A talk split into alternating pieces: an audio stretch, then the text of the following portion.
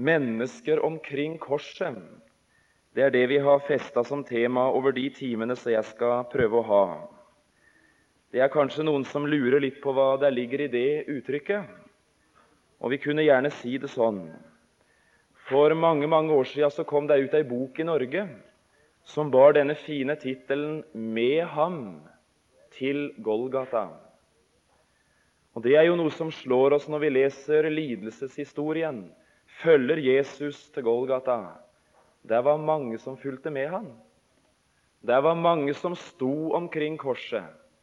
Det var mange som på forskjellig vis dukket fram og fulgte Jesus et lite stykke på vei imot korset. Det de så, var veldig forskjellig. Utgangspunktet for det de så, var også forskjellig. Der var fiender, der var likegyldige, der var venner, der var rikmenn, der var fattige, der var kvinner, der var menn. De var så forskjellige. Men alle så hadde de det felles. De var med Han til Golgata. Og så sto de der i den flokken av mennesker omkring Jesu kors. Jeg ville så gjerne, om jeg kunne det, ta den enkelte av dere med nå, bort til noen av de som sto langs lidelsesveien, eller gjerne også sto under korset, gjøre litt oppmerksom på hvem de var, og aller mest forsøke å ta fram stillingen deres til korset. Og aller helst om jeg kunne formidle litt av det lys, litt av de strålene som de så, ifra den korsfestedes herlighet, der han i fornedrelse triumferte. Vi vil be til Gud i sammen nå, før vi leser avsnittet i formiddag. Kjære Far i himmelen. Er det noe vi ikke forstår, så er det ord om korset. Er det noe vi ikke har sjans for, og forutsetninger menneskelig sett for å kunne gripe, så er det det ordet. Og så ber vi allikevel vil du la oss få dvele ved nettopp det ordet og det budskapet nå hele tida. Og så må du sørge for at det åpenbaringens under skjer, at det som er ufattelig, vi fattet det at det som ikke går an å gripe for mennesker, vi fikk gripe det i troen. At det som er en gåte, det ble forklart på en sånn måte vi så det og fikk fryde oss over det. Kjære Hellige Ånd, vil du veilede oss til Jesus? Vil du stille oss under korset, før oss med ham til Golgata, og trekk sløret til side at vi kunne få et og annet glimt av den korsfestedes herlighet. Vil du nå ta hånd om alle de unge spesielt? Vil du føre det inn i et rikt og et sant ord om Jesus? At de kunne finne hvile og fred i troen på Han. Gi oss nå en nådestund, vår Jesus. Amen. De to første timene vi skal ha sammen, altså timene i dag, skal vi lese et avsnitt fra Johannes evangeliet. Der skal vi finne fram i kapittel 19. Og Så leser vi det samme avsnittet både nå i formiddag og også senere i ettermiddag. Johannes evangeliet i kapittel 19. Der leser vi sammen avsnittet fra vers 17 til og med vers 30. Johannes 19, fra vers 17. Og det er det viktigste av alt vi gjør på bibeltimen. Det er å lese Herrens ord. Det er mye viktigere å høre ordet lest enn å høre menneskertanker båret fram. I Jesu navn. Så tok de Jesus med seg, og han bar sitt kors og gikk ut til det sted som kalles Hodeskallestedet på hebraisk Golgata. Der korsfestet de ham, og sammen med ham to andre, én på hver side, og Jesus midt imellom. Men Pilatus hadde også skrevet en innskrift. Denne satte han på korset. Der var skrevet 'Jesus fra Nasaret, jødenes konge'. Denne innskrift leste da mange av jødene, for det sted hvor Jesus ble korsfestet, var nær ved byen. Og den var skrevet på hebraisk, latin og gresk. Jødenes ypperste prester sa da til Pilatus.: Skriv ikke 'jødenes konge', men at han sa 'jeg er jødenes konge'. Pilatus svarte, 'Det jeg skrev, det skrev jeg'. Da nu stridsmennene hadde korsfestet Jesus, tok de hans klær og delte dem i fire deler, én for hver stridsmann. Likeså tok de kjortelen men kjortelen var usydd, vevd fra øverst og helt igjennom. De sa da til hverandre, la oss ikke rive den i stykker, men kaste lodd om hvem som skal ha den. Dette for at Skriften skulle oppfylles, som sier, de delte mine klær imellom seg og kastet lodd om min kjortel. Dette gjorde nå stridsmennene. Men ved Jesu kors sto hans mor, Maria, og hans mors søster, Maria, Klopa sin hustru, og Maria Magdalena. Da nu Jesus så sin mor, og ved siden av henne den disippel han elsket, sa han til sin mor, 'Kvinne, se, det er din sønn.' Og deretter sa han til disippelen, 'Se, det er din mor.' Og fra den stund tok disippelen henne hjem til seg. Deretter, da Jesus visste at nå var alt fullbrakt, for at Skriften skulle oppfylles, sier han, 'Jeg tørster'. Der sto et kar fylt av eddik. De satte da en svamp full av eddik på en isoppstilk og holdt den opp til hans munn. Da nå Jesus hadde fått eddiken, sa han, 'Det er fullbrakt.' Og han bøyde sitt hode og oppgav sin ånd. Det er et øyenvitne som skriver de orda vi nå har lest i sammen.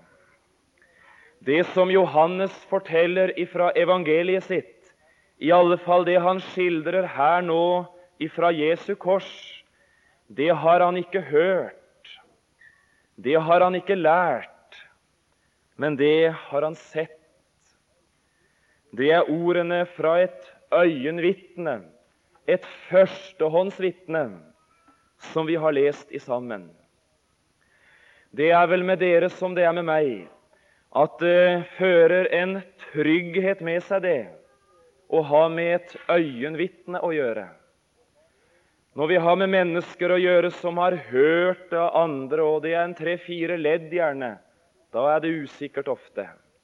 Men hvis vi møter en som kan si 'Det jeg nå har å si, det har jeg opplevd', 'Det så jeg', 'Jeg var til stede', 'Jeg var øyenvitne', da fører det en trygg og sikker ånd med seg. Da har vi en merkelig følelse av det. Det han sier, det han så, det kan vi stole på. Det er sant.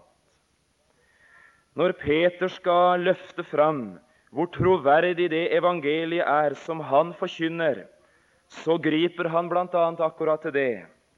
Og Vi kunne gjerne lese bitte lite grann fra 2. Peter 1. Der eh, skildrer han dette så veldig fint. 2. Peter 1, 16. Og sier han det var ikke kløktige, uttenkte eventyr, det vi fulgte da vi kunngjorde dere vår Herre Jesu Kristi makt og Hans gjenkomst. Men vi hadde vært øyenvitner til Hans storhet. Og Så er det som Peter vil sette en strek under det han sier. Det er ikke eventyr. Det er ikke påfunn. Det er ikke kløktige, utenkte teorier og tanker. Vi var øyenvitner. Vi så det med egne øyne. Det er troverdig. Og så tar han fram et eksempel på det. Han løfter fram det han selv sammen med to av sine venner fikk være med på oppe på det hellige berg. Han fikk ære og herlighet av Gud Fader idet en sådan røst kom til ham fra den opphøyede herlighet. Dette er min sønn, den elskede, i hvem jeg har velbehag. Og denne røst, sier Peter, den hørte vi da vi var sammen med ham på det hellige berg. Vi var øyenvitner. Vi er førstehåndsvitner. Og I den sammenhengen så, så bevitner Peter den Herre Jesu Kristi renhet, hans rettferdighet, hans herlighet midt i fornedrelsen. Den er godkjent endog i himmelen. Faderen har bevitnet, jeg har velbehag også nå i min sønn. Troverdig førstehåndsvitne. Og så sier han i vers etter, og det er så fint Dess fastere, enda fastere. Det er noe som er enda mer sikkert enn et menneskelig vitnesbyrd. Det vi har forkynt, sier Peter, det er noe som er troverdig ikke bare fordi det er øyenvitners vitnesbyrd. Dess fastere har vi det profetiske ord. Og så er det som Johannes og Peter og alle de som i Skriften avlegger sine vitnesbyrd om Herren. Det er som de står der med dette. Vi var ikke bare øyenvitner, men vi har fått være en røst som fikk formidle profetiske ord. Det er ikke så, sier Peter, men det er så, sier Herren. Det er ikke så, sier Johannes, men slik lød det, det vi mottok av Herren, og nå gir videre til dere. Jeg vet ikke om du aner noe av den tryggheten, noe av den tillitvekkende holdning som det kan skape. Her er det øyenvitners vitnesbyrd. Her er det ord, ikke menneskeord, men guddommelige sannhetsord vi er samla om. Og til dere unge, ja, til alle, hver eneste en av oss. Det er vel ingen av oss uten at vi ønsker det, å ha noe trygt, noe sikkert, noe fast å bygge på, tro på og leve på. Her er veien. Her fins den klippegrunn, det trygge grunnlag, som du kan leve på og dø på, være frimodig på, tjene på, lide nederlag på endog og seire på. Ved korsets fot hos Jesus. Jeg vil så gjerne stå. Her finner jeg den klippegrunn som jeg kan bygge på. Å, men jeg er altså takknemlig at det var mennesker som ble ført inn i min vei fra jeg var guttunge og helt til da, som førte meg inn til det stedet ved korsets fot hos Jesus. De gjorde meg oppmerksom på øyenvitners ord fra Bibelen. De avla sine vitnesbyrd, hva de selv hadde sett. Og så makta de i ei tid der bibeloppløsning florerer. Og få sagt han John Hardang det, det er ett sikkert, fast ord i denne verden. Det er det ordet du har i Skriften. Det skal du få lese som det står. Du skal få tro det som det står. Du skal få leve på det som det står. Og du skal få erfare det sånn som det står. Jeg er av de som bekjenner meg til en bibel uten feil. Jeg er av de som ønsker å bekjenne meg til et sannhetsord som er helt rent. Derfor leser en ikke en bibeloversettelse der fortolkning har blitt en del av sannhetsordet. Ved korsets fot hos Jesus jeg vil så gjerne stå. Jesus, han du får øye på ved korsets fot. Han skal i tid og i evighet bære det navnet, den korsfestede. Det betyr ikke at Jesus var den eneste som led korsdøden. Der var mange som hadde litt korsdøden før han. Og der ble enda flere som døde slik etterpå. Det blodbadet som kom i år 70, det var altså en eneste rekke av kors reist, der romerne herjer Jerusalem og korsfestet flere av jødene enn vi vet om.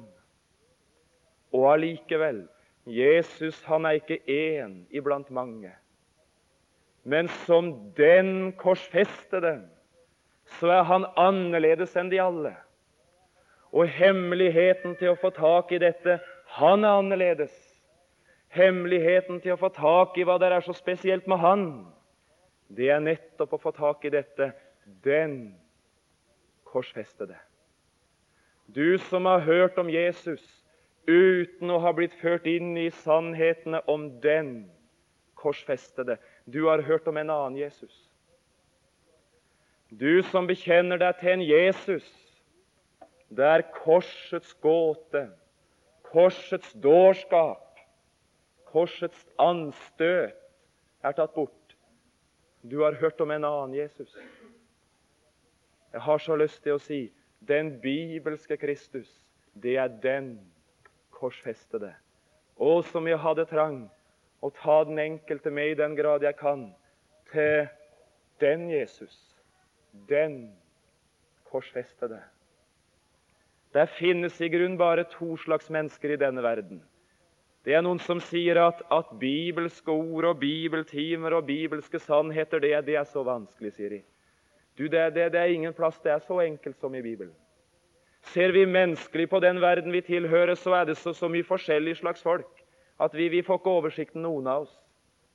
Men lar vi oss belære av, av Bibelen, av det, det Gud har talt, så blir det enkelt. Det er bare to slags folk, sier Gud. I all mangfoldigheten så er det bare to slags mennesker. Første Korinterbrev 1 og vers 18. Ordet om korset er vel en dårskap Hvem for? For dem som går fortapt.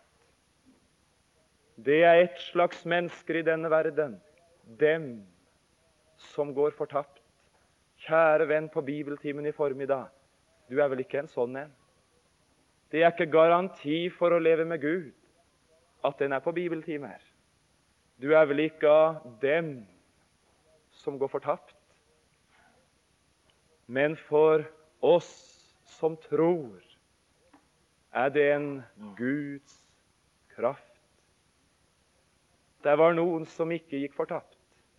Det var noen som ble berget ifra den kommende vred, ifra Guds dom, ifra fortjent behandling og ifra undergang. Og hva det som berga de? Det var et ord. Ja, men er ikke verden full av ord? Jo, den er full av ord. Men det finnes intet ord i verden som dette ord. Ordet om korset. Det er en Guds kraft til frelse for den som tror. Det er enkelt, da når vi fører hverandre dit helt i begynnelsen. Frihetens fyrste, meg fri Unnskyld, ondskapens fyrste, meg frihet bød. Korset ble skillevei. Jeg er ved korset for verden død. Verden er død for meg. Korset ble skillevei. Om vi i alle fall i disse timene kunne makte å føre hverandre dit. Korset ble skillevei. Da skulle disse timene ha en verdi som skulle kunne registreres i evigheten. Alt som heter menneskelig lykke, rikdom og trygghet åndelig talt, det er å finne i dette et rett forhold til korset. Da er det betydningsfullt, det vi taler om ordet om korset. Johannes gjør oss oppmerksom, og det er det vi skal prøve å stanse en del for i disse to første timene. Han gjør oss oppmerksom på tre flokker av mennesker under dette Jesu kors. Og I det avsnittet vi har lest sammen, så hører vi om disse tre flokkene. Den første flokken som Johannes ser og legger merke til at står ved Jesu kors, kan jeg få skildre den sånn. Det var en flokk som sto noe på avstand ifra korset. Hver eneste en som så den flokken av mennesker, visste med en eneste gang hvem de var. Kledningen deres røpet hvem de var. Der var ypperste prester. Der var skriftlærde. Rådsherrer endog var å se. Og mange av de som gikk for å være ledere i folket. Åndelige ledere. Men i denne åndelige sammenheng så sto de som alt annet enn ledere. En kunne ikke unngå å legge merke til ansiktstrekkene. Der lyste seier ut av blikkene. Det lyste triumf. Det lyste liksom dette endelig. Det var Jesu fiender. De hadde kjempet imot den Herre Jesus i lang tid, ifra han sto fram, og de hadde begynt å spørre hvem er han? Og de felte dommen han er en villeder. Han tjener de onde ånders fyrste. Han må vi ha vekk. Fra det øyeblikket så kjempet de imot han, fristet han, spurte han, hatet han og ville ha han vekk. Men på en merkelig måte. De fikk aldri tak i han. Nesten tre år skulle det gå før de endelig kunne stå ved veis ende. Endelig var de ferdig med han. Endelig skulle de se de hadde fått bukt med han, Jesus fra Nasaret. Å, så feil de tok. Navna på rådsherrene har vi glemt, de aller fleste. Men i 1982 er det Jesus fra Nasarets navn vi er sammen i Kristiansand. Det hadde de aldri tenkt engang. Jesu fiender. Den andre flokken, og du kan følge med utover i avsnittet, så finner du de. Den andre flokken, de var ikke motstandere. Men uh, under korset var de. De var ikke mange. De var fem i alt. Johannes nevner fire av de, fire stridsmenn. I de andre evangeliene gjøres vi også oppmerksom på at det var en høvedsmann, det var en offiser i sammen med de. Fem menn sittende under korset og kaste lodd. Kan du tenke deg? Her henger Gud selv mellom himmel og jord. Og så sitter der fem mennesker like under korset. Kanskje spilte de terning. Og var opptatt med én en eneste ting. Nå fikk vi vår del av kappen. Hvem skal ha kjortelen? Som skikk var, fikk de en slik ekstra betaling, romerske soldater på vakt under en korsfestelse. De fikk dele kledningen seg imellom. Det var gjerne litt for det uhyggelige strevet. De satt der og kastet lodd. Av og til gjerne et lett blikk opp imot de korsfestede røvere. Er jobben snart gjort? likegyldige. Jeg ser en flokk av likegyldige mennesker. De hadde intet forhold til Jesus. Jo da, de hadde nok vært med og spotta han i gården. De hadde vært med på ideen om tornekransen og om den, den røde kappen. Men ikke var de motstandere. Ikke var de tilhengere heller, for den saks skyld. De var simpelthen knekkende likegyldige. De likegyldige. Og endelig den tredje flokken. Jeg ser en flokk tett ved Jesu kors. Noen sto forresten et stykke borte, men noen få sto nær ved. Det var en flokk av fire mennesker som sto og visste det. Dette dette blir den viktigste dagen i vårt liv. Det de nå sto og så på, hadde de aldri tenkt de skulle se. Det de nå var vitne til, hadde de ikke drømt om de skulle ha vært med på. Og så visste de det. Livet blir annerledes for oss etter denne dagen. Ingenting blir det samme nå etter dette. Der sto flokken av Jesu kjære venner. Det var noen som hadde møtt Jesus en dag. Og det han hadde talt til dem, det han hadde gjort for dem, det han var og hadde kunnet tilført deres liv, det hadde de aldri opplevd hos noen. Det var ingen som hadde gjort så mye for dem som Jesus. Det var ingen som hadde elsket dem som han. Det var ingen de hadde kjent det så godt, trygt og fint å være sammen med som Jesus. Og viktigst av alt, det var Jesus som hadde gitt dem veivisningen inn til et nytt samfunn med Gud. Det var så annerledes med han. At han som de visste var Messias og Guds sønn, skulle henge der, skjønte de likevel ikke. Nå står de der lamma i sorg, i fortvilelse. Jesu venner.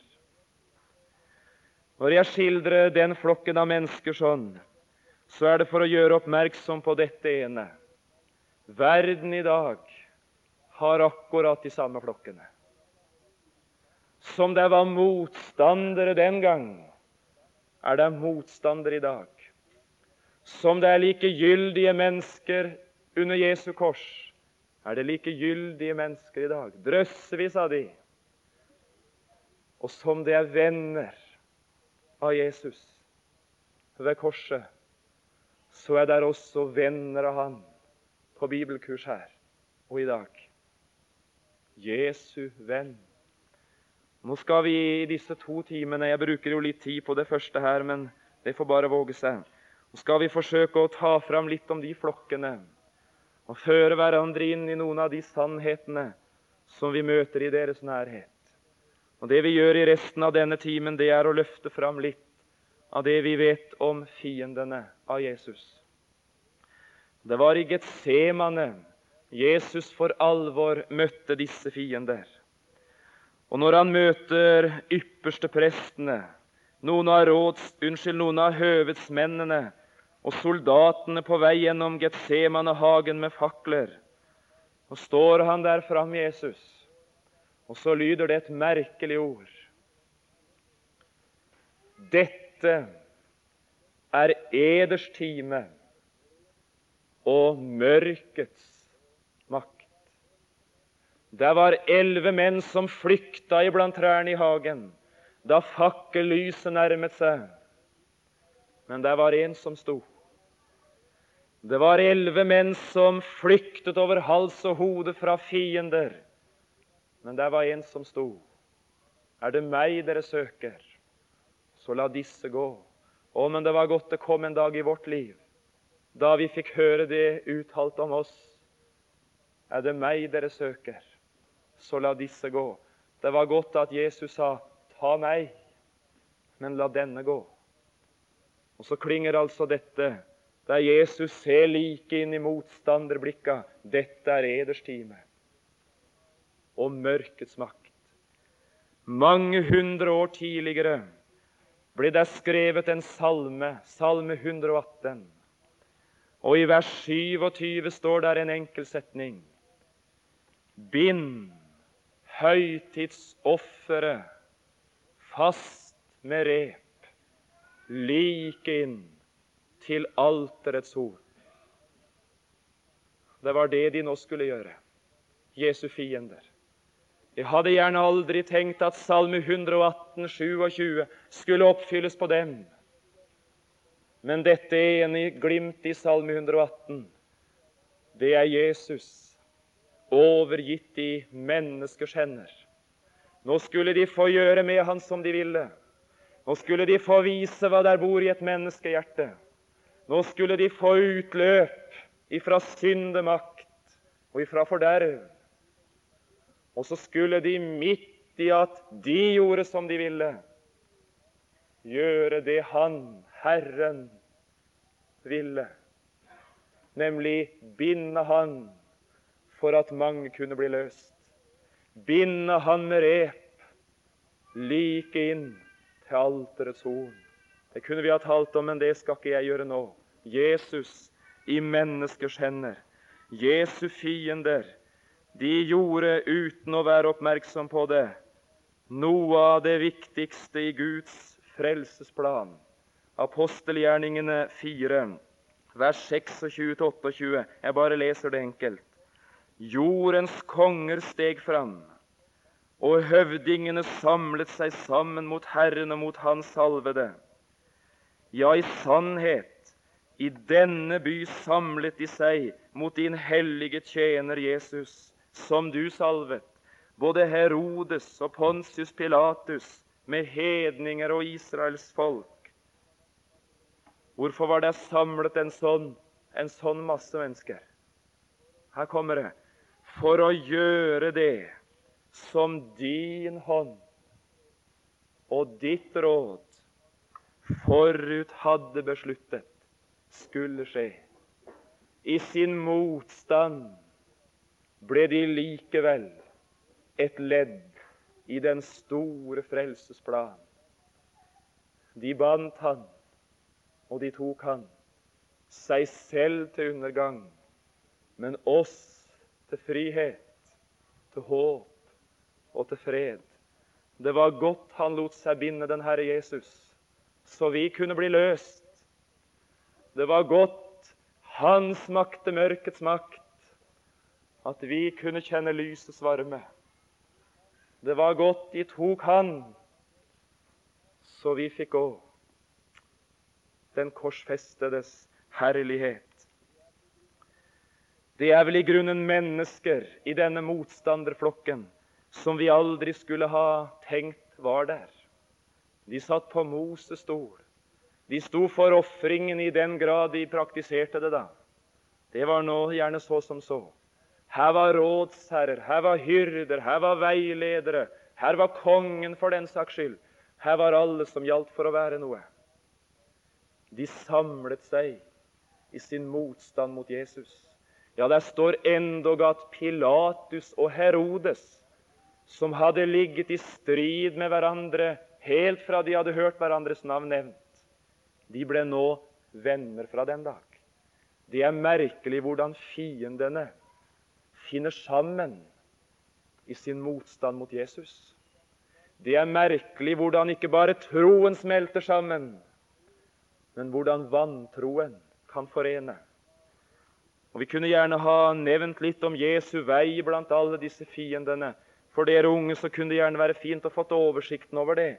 Hvordan Jesus blir ført ifra, ifra Annas og til Kaifas, ifra Kaifas til Pilatus, fra Pilatus til Herodes, ifra Herodes til Pilatus, og fra Pilatus til lederen igjen, osv. Men det skal ikke vi ta noe tid til. Jeg bare satt med en tanke når jeg, når jeg leste gjennom dette her og arbeida litt med det. Og det var altså en alvorlig tanke. Det var denne. Det er ikke sikkert om en menneskelig sett er kalt åndelig leder om en i denne verden bærer navn av hyrde og av fører, endog i åndelige sammenhenger, det er ikke sikkert at en dermed er hyrde oppreist av Gud. Det skal vi være veldig våkne for. En blir ikke ordinert til hyrde. En blir ikke menneskelig satt innsatt til hyrde. Ikke dermed sagt at alle som har opplevd noe av det, ikke jeg har sannheten. Men jeg har så lyst til å si der er én ting det gjelder. En åndelig hyrde og leder, han skal bevitne sin lederposisjon ved det budskap han forkynner.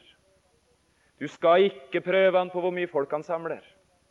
Du skal ikke prøve han på stemningen han får til. Du skal ikke bedømme han ut ifra proselytter og tilhengere, men du skal lytte. Hva for et bud forkynner han? Hva for ord taler han? Og lytt til det i lys av dette ord om korset. Det er den som er hyrde, som har møtt hyrden. Det er den som kan lede, som selv er ledet. Kjære unge venn, du som vil være med å lede mennesker til Jesus. Å, men det er fint at du vil. Du er vel selv ledet av Han? Du er vel selv i samfunn med Han? Du har vel selv erfart at Han førte deg inn til fred og til hvile? Det er vel kanskje ikke andre som kan føre mennesker til hvile, enn de som selv kjenner hvilens vann.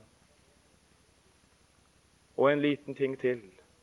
Det er ikke engang selvfølgelig om vi hører til en slekt eller en familie eller en åndelig sammenheng, at vi selv har det rett. Det var nå iallfall én ting jeg var klar over da pappa døde hjemme og jeg ikke hadde det godt. Nå hjalp det meg lite om, om far var frelst. Nå hjalp det meg lite om at mor var kommet til tro. Nå hjalp det meg til og med lite at jeg hadde hangla med på bedehuset i 15 15,5 år omtrent. Nå var det noe annet det dreide seg om. Nå er det deg, Jan. Nå er det ditt forhold. Nå er det din innstilling. Det sitter gjerne en tenåring her. Du har hangla med mor og far fra du ble født. Å, men du er privilegert. Det er likevel ingen erstatning for selv å finne inn til Jesus.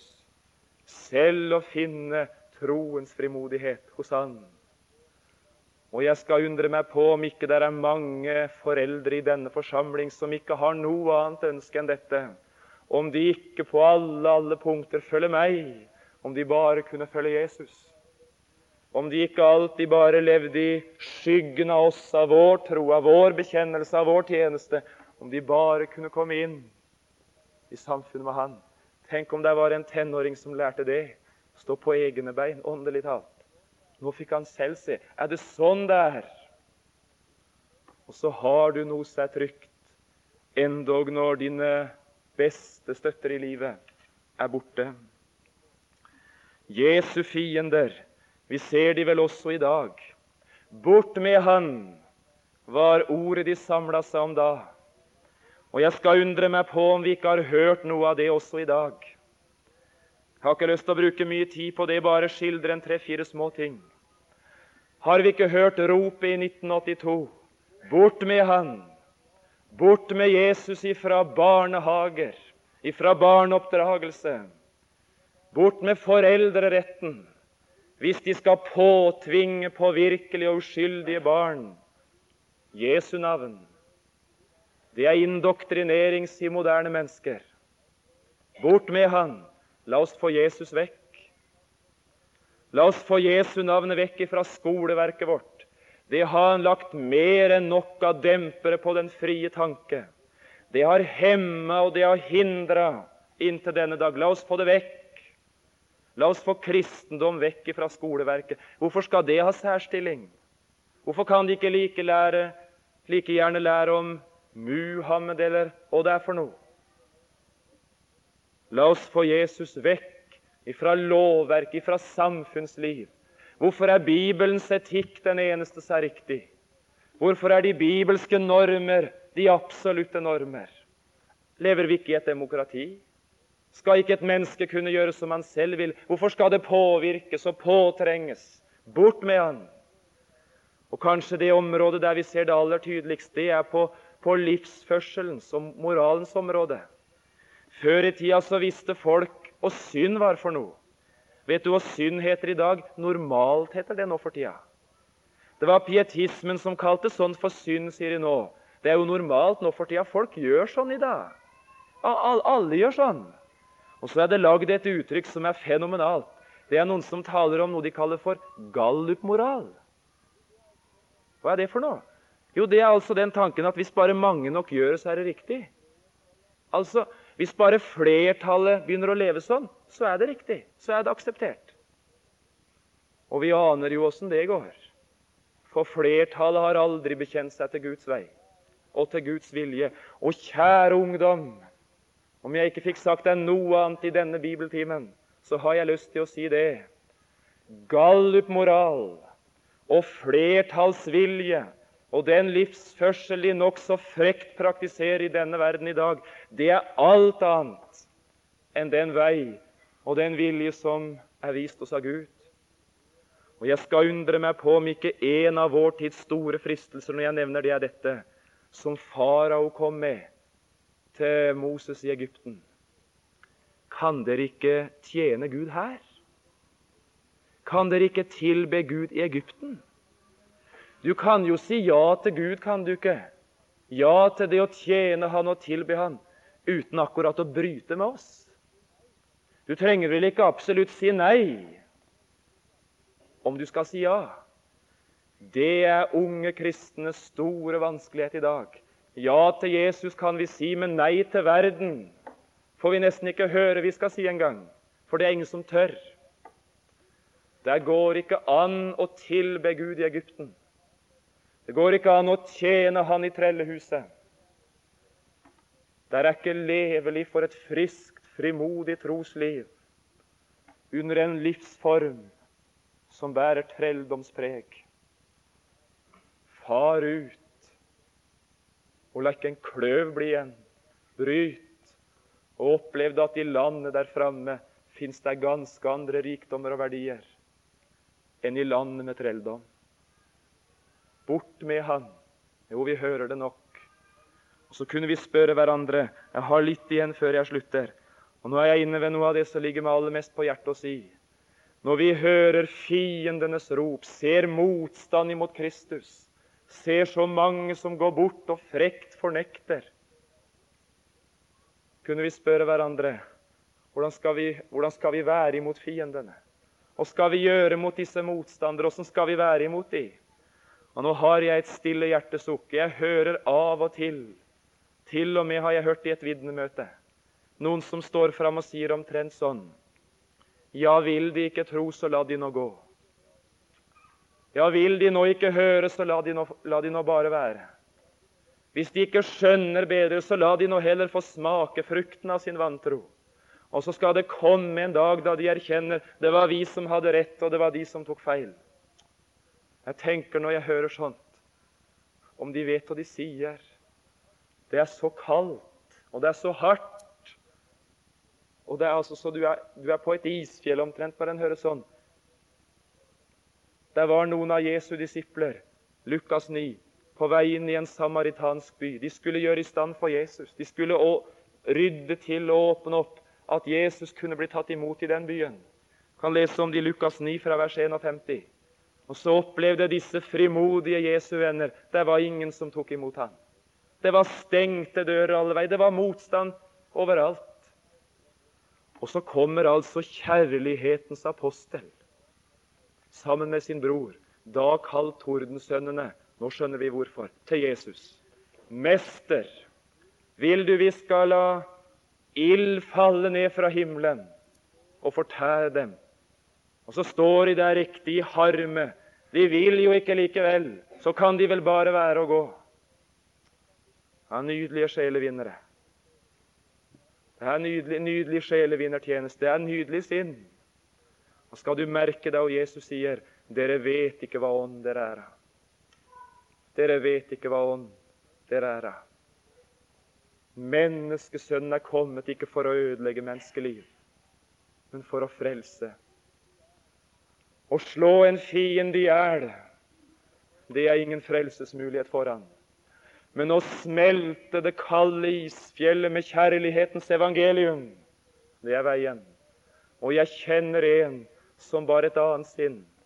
Selv står han fram og sier, 'Bli mine etterfølgere, liksom jeg er Kristi etterfølger'. Ja, hvordan var Kristi forhold til sine fiender? Like før det vi leste sammen, så sto han utenfor dødens by. Og Så ser han over byen, og så sier han 'Jerusalem', Jerusalem. Og så så han fiender hele veien, proppfulle av tanker som bare ville død og ødeleggelse. Jerusalem. Å, om du visste hvor ofte jeg ville samle deg. Å, om du visste hva som tjener til fred. Å, hvor ofte jeg ønska å føre deg inn, inn i fred, i trygghet, i samfunn. Men du kjente ikke din besøkelsestid. Du vil ikke. Og så rant der noe over Jesu kinn den dagen med tanke på, på fiender. Du vil ikke. Og så gråt han. Filippe-brevet 3 og vers 18. Mange vandrer, sier en som i kapitlet foran stille sa, la dette sinn være i dere som var i Kristus Jesus. Mange vandrer. Det er så mange, sier Paulus. Mange vandrer. De vandrer. Hele livet bærer preg. Forholdet til Jesus er så galt. Mange vandrer, som jeg ofte har sagt dere. Å, så ofte jeg har talt om fiendene med dere. Å, så ofte jeg har gjort dere oppmerksom på det er noen som ikke tror. Å, så ofte jeg har minnet deg om du må vinne noen for Gud. Gi de evangeliet. Slit deg ut om det så skal koste livet. Om de bare kunne vinnes. Mange vandre som jeg ofte har sagt det. Og nå sier med tårer de er fiender av Kristi kors. Det er et annet sinn. Det er en annen beskjed enn 'la de gå'. Nytter det ikke én gang å gå inn i byen, så går vi en gang til. Og er ikke etter femte besøk i den samaritanske by en eneste åpen dør for Jesus, så går vi sjette gang. Og så går vi tiende gang. Og så går vi så lenge vi kan gå. Kanskje var det en som kunne vinnes likevel. Jeg har ofte sagt det. Nå sier jeg det med tårer. De er fiender av Kristi kors. Gud gi at et sånt sinn og en sånn innstilling og en sånn ånd kunne følge forkynnelsen vår, sangen vår, hverdagslivet vårt, vitnesbyrdet vårt. Det er noe de er vare for i denne verden. De vet hvor hykleri er i verden, og de veit utmerket godt når du gjør deg til. Men de merker også så godt når det er en som, som bærer noe av dette, den hellige glød og varme og nød. Å, jeg, jeg, jeg, hadde så lyst til å si deg noe. Jeg hadde så lyst til å, til å vise deg vei. Her kan du stole på de merker i en verden som ikke vet hva kjærlighet er i det hele tatt. Vær mye med Jesus. Lev nær din frelser, så får du hans sinn er veien. Og så vil jeg slutte sånn. Tenk deg er frelse for fienden nå. Når han har et sånt sinn, den Herre Jesus, at han sier 'Fader, forlat dem', for de vet ikke hva de gjør, så kan du stole på at han også ordnet med en frelse som er i stand til å føre en fiende inn til liv med Gud. Det står et merkelig ord. Det er det, er det siste gammeltestamentlige ord du skal få før jeg slutter. Salme 76 og vers 11. Der står et lite trekk. Selv menneskers vrede blir til pris for deg. Og Har du lagt merke til det? Det er det siste du skal få høre her. Har du lagt merke til hvordan denne lovsangen frelsens lovsang også ble lagt inn i fiendenes munn. Har du det? Jeg tenker av og til på det. At de kunne si så mye sant om Jesus, og enda ikke se det. At de kunne synge så herlig om han som de gjorde, og ikke høre hva de sang. Du skal få de tre enkle versa i fiendenes lovsang nå til slutt. Det første verset sang de i Johannes 11 under et krisemøte. Det har vel ikke vært noen krisemøter i komiteen her enda. Håper ikke det blir noe heller. Men i Jerusalem var det krisemøte. Det var altså så prekært at nå var de helt rådville. Hva skal vi gjøre nå? Og Problemet det var jo akkurat forholdet til Jesus, altså. Og så var de kalt sammen. Johannes 11, 47. De var kalt sammen hele rådet til møte. Og så sa de, hva, hva skal vi gjøre? sa de. Her er det krise. Hva skal vi nå gjøre? Denne, dette mennesket, denne mann, gjør jo så masse tegn. Og så var det bevegelse. Lar vi ham holde ved således, da vil alle tro på ham. og romerne vil komme og ta både vårt sted og vårt folk. Og så tente Gud lovsangen midt i krisemøtet, midt i motstanden, midt i harm og vrede. Så tenner han en tone, og så legger han i den vredeste av de alle i Kaifas munn det første verset i frelsens lovsang. Dere forstår ingenting. Nei, det kan du stole på. Var det noen som ikke skjønte noe, så var det dem. Dere forstår ingenting. Heller ikke tenker dere på at det er til gagn for dere at ett menneske dør for folket, så ikke hele folket går til grunne.